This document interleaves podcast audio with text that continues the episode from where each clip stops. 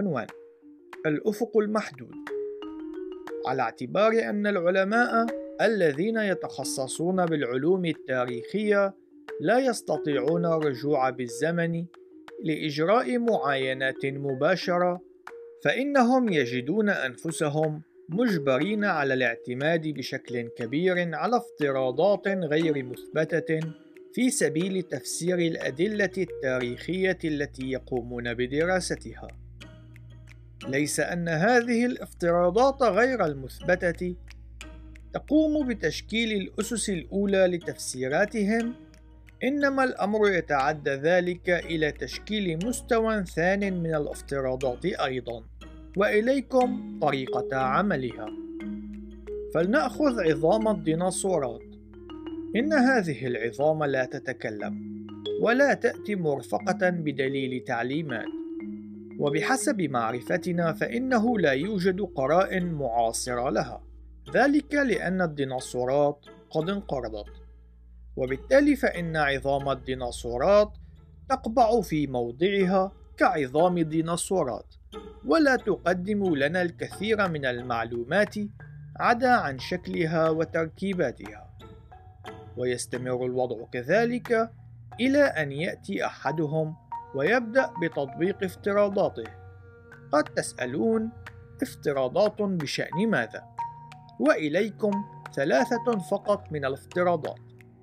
أولا العمر.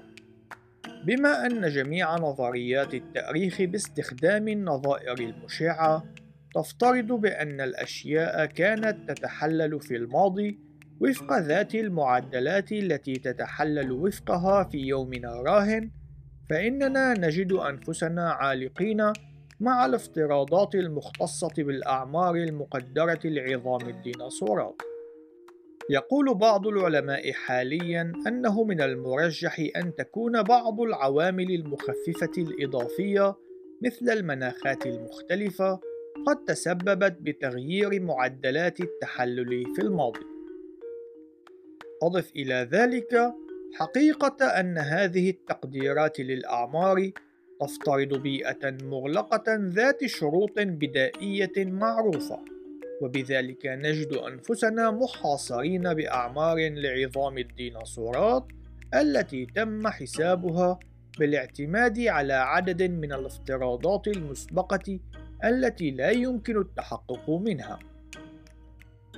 ثانياً، المنفعة الوظيفية يكون من المستحيل في الكثير من الأحيان أن يتم تفسير الغرض من أحد العظام دون أن يتم أولا افتراض منفعتها.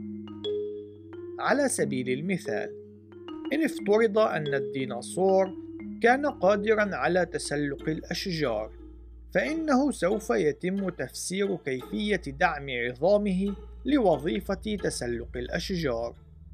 أما في حال تم الافتراض بأن الديناصور كان قادرا على العزف على طبول البانجو فإنه سوف يتم تفسير عظامه بطريقة مشابهة للتي سبقت. بصرف النظر عن المنفعة الوظيفية، يتم الافتراض أن العظام كانت داعمة لما يتطلبه الافتراض الأولي الذي تم وضعه. ثالثاً، التطور. ربما قد تتساءل كيف يمكن للتطور أن يعتبر افتراضاً؟ إن الإجابة هي بسيطة. فنحن لازلنا لا نمتلك آلة للسفر عبر الزمن لكي نكون قادرين على الاستفادة من المعاينة المباشرة.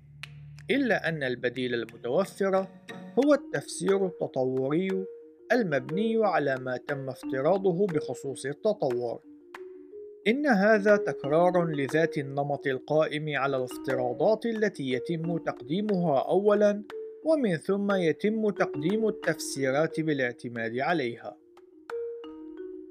يمكننا أن نرى بوضوح أن الأمر برمته مبني على سلسلة متشابكة ومعقدة من الافتراضات غير المثبتة وهي التي تزودنا بكل ما نعتقد أننا نعرفه بخصوص عظام الديناصورات وكذلك هو الحال بالنسبة لتشكل الطبقات الصخرية وإنسان الكهف وأيضا بالنسبة لكم كبير من الأدلة التاريخية التي نحاول من خلالها أن نحصل على معرفة بخصوص الماضي.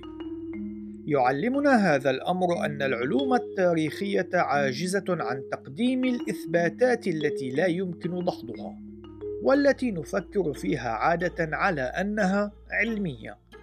كما أن هذا يعلمنا بأنه يتوجب علينا البحث في مكان آخر، ذلك إن أردنا حقيقة مبنية على أساسات متينة.